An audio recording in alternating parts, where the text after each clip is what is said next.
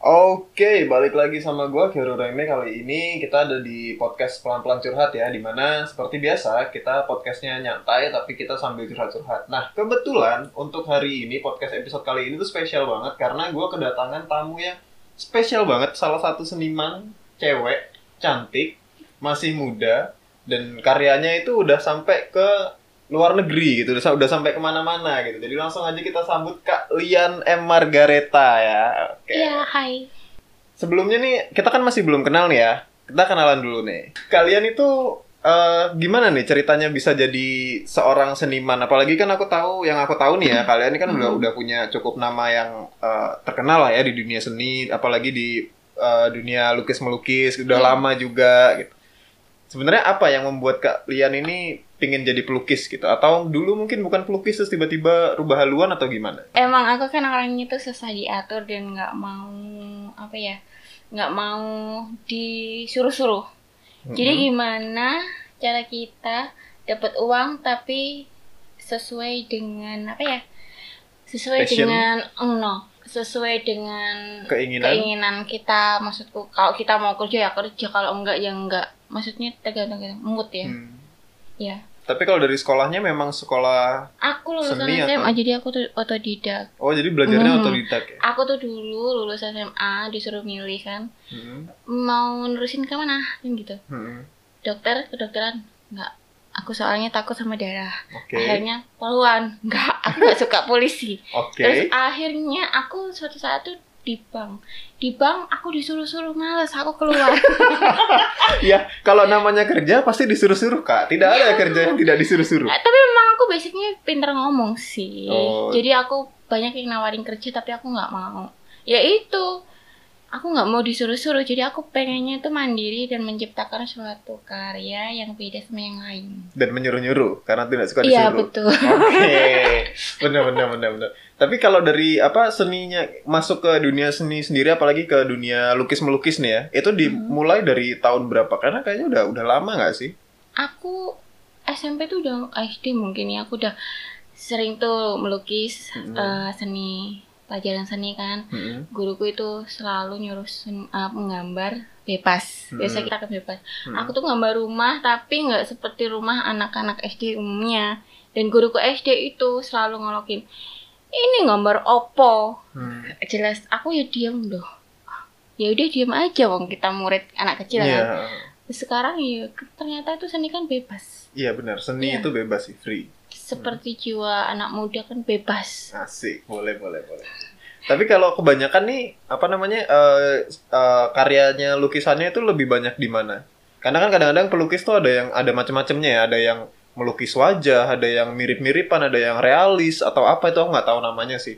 Kalau aku sih cenderung orang yang melihat ya yang nilai. Jadi Oh. orang si A atau Mama lihat karyaku itu realis. Mm-mm. Kadang yang satu naturalis. Yang satu lagi embuh ya. Padahal itu gambar yang sama ya. Ah, sama. Oh, jadi tergantung dari orang yang lihat. iya, ya? terus karyaku itu kan beda, jadi nggak murni kanvas. Jadi Oh, kanvas aku gitu. tempelin sama Hmm. eh, apa itu namanya? Bukan serabut kelapa sih, tapas kelapa. Tapas Jadi kelapa. itu loh, Hmm. eh, jaring yang di eh, pangkalnya Daun, tangkai daun. Heeh, itu pokoknya kayak jaring-jaring gitu kan, pokoknya Heeh. membentuk tekstur. Hmm. Jadi dari awal aku berkarya keluar ke pasar seni Indonesia Hmm. tahun 2019 tuh udah pakai kanvas yang bertekstur. Hmm, Dan, Dan itu, itu eh, aku selalu mengunggah Indonesia Tempo dulu. Indonesia Tempo dulu. Mhm. Berarti Kayak suku-suku pedalaman, Indonesia Tempo dulu kayak gitu. zaman-zaman jadul berarti ya. Heeh. Oke. Dan itu yang ini kan aku dengar ada yang sampai ke Belanda juga, ada yang sampai ke Filipina juga. Itu apakah salah satu karya yang tempo dulu apa foto-foto yang gimana tuh? Eh, itu sih kalau yang di Filipina itu mengunggah medis. Jadi dia Medis? aku, heeh. Heeh. Jadi aku itu pameran tunggal, Hmm. tapi dia minta kan aku pamerannya itu di rumah sakit. Mm-mm. Jadi eh, itu medical art. Jadi Oh medical art itu cerita kayak gimana tuh gambarnya cerita tuh? tuh. Eh, cerita rumah sakitnya dulu tuh kita dari awal Hmm. dari tahun yang nggak enak itu kan Mm-mm. itu awal mula kan nggak ada dokter tuh. Jadi mulai dukun, Oh. terus tabib, terus apa tuh, terus pendeta kayak gitu itu terus Oh, akhirnya ke dokter. Berarti ini adalah apa eh, menjelaskan sebuah Perjalanan sebuah medikal. gambar yang bisa bercerita gitu iya, ya. Oke, dan itu ke Belanda. Itu yang di Belanda. enggak Filipina. Itu yang di Filipina. Kalau yang di Belanda sama juga. Kalau di Belanda sih cuma ya enggak dia cenderung ke itu ekspresionis. Ekspresionis. Mm-mm. Oke. Nah, selanjutnya nih, aku mau tanya, ini kan kita eh, tadi kan yang di luar nih. Kalau Mm-mm. yang di Indonesia sendiri tuh gimana? Eh, lebih sering pamerannya itu ikut orang atau buka pameran sendiri atau gimana? Sementara ini masih ikut EO. Masih ikut IO ya, Ikut EO sama grup-grup luar kota. grup-grup luar kota. Mm-mm. Kalau sekarang nih, kan akhir-akhir ini bukan akhir-akhir ini ya, udah udah lima bulan terakhir ini kan kita lagi COVID nih, ada Mhm. COVID-19. Nah, eh, kalau lagi COVID-19 kan eh, apa namanya pameran-pameran kayak gitu kan nggak boleh kan, karena itu memicu orang-orang untuk datang terus kumpul-kumpul dan kawan-kawan itu kan masih nggak boleh tuh. Mhm. Untuk mengatasi itu gimana? Karena kalau nggak ada pameran kan sebagai pelukis berarti mati dong ininya, eh, penghasilannya tutup dong. Iya, tapi orangnya jangan sampai mati ya. Iya, orangnya jangan sampai mati. Nah, gimana tuh caranya mengatasi itu tuh? Oh, caranya mengatasi kita bikin pameran virtual. Jadi pameran virtual. ya? Ha-ha. Hmm. kita di video ini tuh, Hmm. tapi kurang maksimal sih menurutku ya. Masih tapi belum ya, ya. lumayan lah. ha-ha. Tapi di Indonesia udah Mungkin. banyak belum sih yang pameran virtual kayak gitu? Udah, udah banyak. Udah banyak Tapi juga ya. mungkin fasilitasnya mungkin kurang. Jadi orang-orang tuh mungkin malas buka atau gimana kan, nggak ngerti. Oh, eh, oke, secara pelukis itu kan yang dilihat kan harus karyanya. Mm-mm. Kalau nggak lihat langsung kan mungkin mereka kan. Oh nggak iya bener marem sih. ya. Ha, ha. itu. Kendalanya sih itu. Cuman di sisi lain kita harus putar otak. Hmm, gimana Iya, caranya? ya? Gimana caranya kita Hmm. harus menghasilkan di pandemi ini. Hmm. Jadi kita cari motivasi baru sama penemuan baru. Ya seperti Contoh. ini contohnya ya Hmm. yang berhubungan dengan kesehatan kita kan kita Hmm. perlu vitamin C, kita perlu Hmm. kondisi tubuh yang fit gitu Hmm. kan. Nah, itu kan pas banget sama aku yang biasa konsumsi piskam. Hmm. Nah, waktu itu aku uh, dapat ide, ya udah langsung aku bikin Jalanin piskam. Mm-mm. Ya aku bikin logo sendiri, ya bikin kemasan sendiri. Jadi Iya, aku kemas sesuai dengan Dengan apa yang ada di pikiran Hmm. ya. Karena seniman itu emang pikirannya ya ke mana-mana gitu. Kan kadang-kadang suka itu terus dibikin dan jadi ya. Sekarang jadi. Ya, Dan eh, produknya udah ada ya. sudah ada, sudah jalannya itu uh, di saat pertama pandemi itu. Soalnya kan aku banyak banget tuh acara yang besar-besar se Hmm. Asia dan itu besar lah menurutku ya. Hmm. Lelang-lelang Ya, kayak gitu kan besar. udah Hmm. stop. Hmm. Dan Iya, itu udah- udah- udah ada tinggal ya dua berarti. minggu, ha, tinggal dua minggu aja udah di stop. Ya udah. akhirnya semuanya tutup ya. Hmm, hmm. Dan Akhirnya akhirnya tutup. keluar inovasi baru itu ide baru. Gum itu ya. Iya, dan Oke. nan apa di sisi lain kita tetap berkarya dan menciptakan karya lukis yang baru. Tetep ya, walaupun Tetep. mumpung lagi covid ini kita Tetep. malah bisa gambar-gambar ya. Tapi Mm-mm. eh, stres nggak sih? Maksudnya nggak bisa keluar, terus apa segala macam. Apa Iya, itu malah tergantung bikin pikiran bikin kita ini? sih ya, soalnya aku kan cenderung suka menyendiri. Oh, memang orang introvert ya, berarti lebih Iya, enak sendirian di gitu. Sendiri, ha. Hmm, Jadi emang seniman kan sebenarnya gitu. kebanyakan seperti suka itu. ya. traveling. Ya, Kalau pen- uh, pandemi kayak gini kan ya udah yang traveling pikiran aja. Oh bisa gitu ya? Bisa punya jurus Rogo Sukmo berarti ya? Jalan-jalan pakai pikiran gitu atau karena kalau si Radit itu jalan-jalannya lewat Google Map.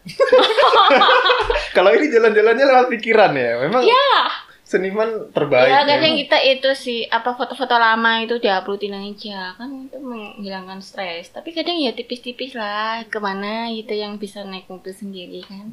Tapi jangan lupa protokol kesehatannya ya. Tetap dengan Tetap. masker dan hand sanitizer. Uh, Yoi. sanitizer. Itu dia. Jadi tapi gini, paling kalau misal dari apa namanya, aku ngelihat dari kalian ini dia udah eh, cewek yang mandiri ya termasuk karena semuanya tadi sendiri kan. Terus apa namanya punya inovasi baru di mana bikin pitch gum itu bener-bener pure dari ide terus langsung dikeluarin desain-desain sendiri, tempatnya bikin sendiri, masaknya juga masak sendiri. Iya masak-masak sendiri. Masak-masak Ha, sendiri. cuci wow. baju juga sendiri. Oke, siap. Siapa tahu laundry. kan mandiri guys. Oh, bener-bener mandiri ya, sendirian. Iya. Tapi kalian ini sudah menikah belum nih? Aku, Mm-mm. aku masih single KTP. Single KTP ya. Nah, KTP guys, single kalau mau Kalau ya. KTP-nya single ya guys. KTP-nya doang tapi. Single Oh guys. single ya, single bener ya. Oh masih single loh guys. Jadi kalau kalian mau bisa aja karena nanti bakalan aku taruh di mau bawah. ya. piye guys? Mau beli pitch gum, Oke. langsung ke ownernya. Atau mau pesen lukisan juga bisa. Nah, pesan lukisan juga langsung ke ownernya ya kan karena beberapa nanti bakalan aku taruh di deskripsi juga yang apa namanya Eh, Lukisan. Ah, lukisan lukisan pameran virtualnya Terbaru. nanti. Ah, Hmm. yang terbaru. Terus mungkin ada lukisan-lukisannya kalian yang kayak gimana nanti bisa aku taruh di bawah. Sama pitch gumnya juga. Keren sih. Maksudnya sebagai seorang cewek yang masih sendirian dan punya ide langsung bisa dituangin itu amazing sih. Tapi kalau kalau dari kalian sendiri nih dari segi seniman nih dari segi seniman atau pelukis nih ya Ya. di Indonesia tuh gimana? Terlepas dari covid ya. Apalagi udah ada covid nih kan Mhm. semakin semakin nggak boleh nih Mm-mm. kalau di hari-hari biasa tuh seniman tuh gimana? Pemasukannya apakah normal atau gimana? Ya nggak normal sama sekali ya. Apalagi di pandemi kayak gini. Yang nggak pandemi aja nggak normal. Nggak normal ya, tapi tapi kan Heeh. sekali dapat langsung banyak Langsung gitu banyak kan. Ah, kalau aku. Kalau laku ya bener. Heeh, jadi s- sebetulnya sih banyak masukan buat pemerintah ya. Hmm, contoh-contoh Contohnya buat dukungan moral, material, kayak untuk gitu. para pelukis ya. Heeh, bukan para pelukis aja sih, semua seniman. Semua seniman. Jadi oke, ada tempat atau wadah yang bisa kita mencurahkan nah, Hasil-hasil ide seni. kita. Oh, Ah, ide. Atau pemerintah itu bikin apa yang buat motivasi seluruh seniman di Indonesia. Gitu. atau bikin komunitas, misal komunitas seni Se-Indonesia gitu? seni Indonesia tapi di- didanai oleh pemerintah ya gitu. boleh itu pas. Ya. Ya kan terus nanti eh, mungkin dari pemerintah bakal ngadain misal tiap bulan apa Hmm. nanti bakalan ada Pasar apa itu nah, bisa ke pameran apa. ke luar negeri ya, atau ya, ya, setuju, bikin setuju, setuju. itu apa lomba-lomba kayak gitu kan seluruh Indonesia tapi udah ada sebenarnya Udah ada ya. itu seperti Binel Ah, Binel apa itu Iya, Binel? Binel Aku itu belum tahu malah. Binel lomba lukis Oh, lomba jadi lukis tapi ya. nggak tingkat internasional Oh, mungkin Ya. mungkin gini sih. Mungkin memang sudah ada, cuman masyarakatnya Hmm. itu kurang sosialisasi kali ya. bukan masyarakat Apanya dong? pelukisnya, Pelukisnya juga kurang. yang ikut Yang ikut juga kelas-kelas atas ah memang tiernya beda ya, beda tier tier atas gitu. Oke. jadi em, pelukis-pelukis yang maksudnya yang biasa-biasa kayak aku gitu kan Wah, yang yang yang, yang sampai Belanda dan Filipina itu biasa, ya. biasa masih biasa Oh, berarti memang Indonesia itu pelukisnya sebenarnya GGGG ya, greget-greget gitu ya. Belanda itu biasa gitu. Oke, oke. Ah, enggak Iya, iya, Enggak, iya. iya. kan itu aku nggak dari pemerintah guys. Oh iya, nggak kan dari pemerintah. sendiri. Sendiri aja Oh, bisa. Sendiri, jadi ya itulah seperti kayak eh, negara-negara lain tuh kan banyak perhatiannya itu. Untuk para senimannya ya dan dan dia nggak nggak tier ya jadi maksudnya untuk eh, apa sosial sosialisasi lebih menyeluruh kali ya Mm-mm. kalau dari pemerintahnya bener-bener kayak apalagi yang baru-baru kan yang orang-orang muda yang pingin seni seni Mm, itu nggak mencurahkan cuma seni yang baru ya. yes dan Ah. gini sih kalau aku lihat sih sekarang mungkin eh, seni itu suara kali ya orang-orang Iya. mungkin lebih ke nyanyi itu mungkin masih bisa up tapi Iya. kalau dari lukis itu sendiri kayak gimana dari pemerintah juga kayak kurang ada Mungkin untuk kita ini suruh sih. bikin YouTube itu ya lah aku gaptek. Gimana dong? nanti kalau Bisa misal kita. Dan makanya aku kan gaptek tuh. Mm-mm. makanya aku cari inovasi yang baru seperti aku bikin patung dari giok Itu Bikin patung? bisa, eh, dari giok Mhm, itu Lukisannya juga udah ada. 3D sekarang ya, berarti bikin patung. iya Oke. Ter- eh, patung eh patung iya terus lukisan juga iya sih tapi ini proses aku itu Berarti project Iya. baru lagi nih, Mhm. bikin patung dari batu giok iya buat mungkin setelah pandemi buat setelah pandemi. Iya. Atau mungkin mau dikirim-kirim atau gimana? Mau jualannya gimana nih? Di Nanti. pameran juga atau iya mungkin kita belum tahu ya aku ya soalnya kan pandeminya itu- belum selesai? Mm-mm. Makanya itu buat pemerintah itu kasih wadah lah ide-ide kreatif anak muda yang baru gimana Iya, biar biar regenerasi atau juga mungkin sih. ada link khusus atau apa ya ah lembaga khusus gitu Lembaga untuk khusus. seni uh, atau menteri kesenian Indonesia gitu. Emang Menteri Kesenian Indonesia nggak ada ya? Ada nggak sih? kita ya nggak ada ada nggak sih? Ya kalaupun ada, kita Apa sebagai menteri- makhluk ini menteri ya? menteri kebudayaan Oh kebudayaan ya, tapi berarti digabung ya kebudayaan dan seni gitu. Jadi Emang mintanya enggak dipisah gitu. seni terlepas ada dan tidaknya kita sebagai orang biasa aja nggak tahu ada apa enggak ya kan? Yang artinya kalaupun ada berarti mereka kurang sosialisasi dan kurang kelihatan mungkin ya untuk para seniman-seniman. Apalagi kalau tadi berdasarkan katanya kalian itu kan tiernya cuma di tier di atas doang tuh. Tier-tier bawah kayak yang misal baru mau mau nyoba Takut, apa segala macam jadi takut kan. Iya. jadi sosialisasi dari pemerintahnya juga harus dilebihin lah ya. Kita kita pinginnya bener-bener orang-orang seniman di Indonesia itu juga bisa berkembang lah. Lah. Mm-mm, jadi ada pemerhatinya juga, ada lembaga khususnya juga Mm-mm. dan Atau kawan-kawan sih. se- seniman tuh punya kayak kayak KTP kayak gitu kan. Ah, kartu tanda seniman gitu. ya. seniman. kan KTP ku udah seniman kan. Oh ada. Pekerjaan seniman. Oh Iya, ada. ada. Oh, aku baru Ya, tahu. kayak Aku nggak pernah lihat gitu. KTP-nya Atau kalian soalnya. KTP. KTP kan kartu tanda penduduk, kartu tanda seniman KTS. KTS. Oh, boleh, boleh, boleh, boleh. Iya kan. KTS gitu kan. Terus nanti eh, apa karya-karya terbaru jadi ada link tuh di apa internet. Ah, Nah, berarti berdasarkan bisa. nomor itunya ya, Mm-mm. nomor eh, KTS-nya tadi Iya. ya, tanda seniman. Oh, boleh tuh, boleh tuh ide-ide bagus, ide bagus, ide bagus. Iya kan. Terus nanti kita ngeluarin ide-ide apa itu di situ. Eh, nanti disaring sama pemerintah. Misal pemerintah mau Nah, ngasih mana diseleksi lah. Mm-mm. Nanti mana yang bagus buat ke luar negeri itu kan juga masuk. jadi pemasukan juga ya buat Mm-mm. Indonesia juga sebenarnya. Oke, nice.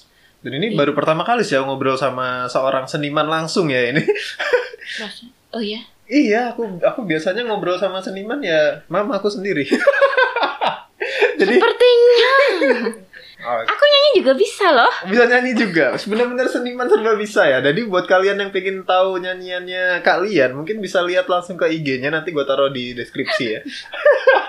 Jadi paling untuk saat ini gitu aja kali ya untuk podcast hari ini udah cukup cukup mendapatkan informasi yang kalian untuk menjadi seniman atau mungkin ada kalian yang seniman pingin pingin juga mau ngobrol apa bukan mau ngobrol apa sih pingin menyampaikan sesuatu ke pemerintah kayak kalian nih misal dia pingin ada KTS kartu tanda seniman untuk ngasih apa apa apa apa kalian bisa langsung komen aja di bawah. Dan kalian juga bisa dengerin podcast ini di Spotify ya Spotify-nya Kiru Reme. Kalian search pelan-pelan curhat itu bakalan muncul. Jadi paling untuk hari ini segitu aja. Jangan lupa like share like share and subscribe. Gua Kiru Reme dan Rian M. Margareta. sampai jumpa di next podcast. Bye bye Bye.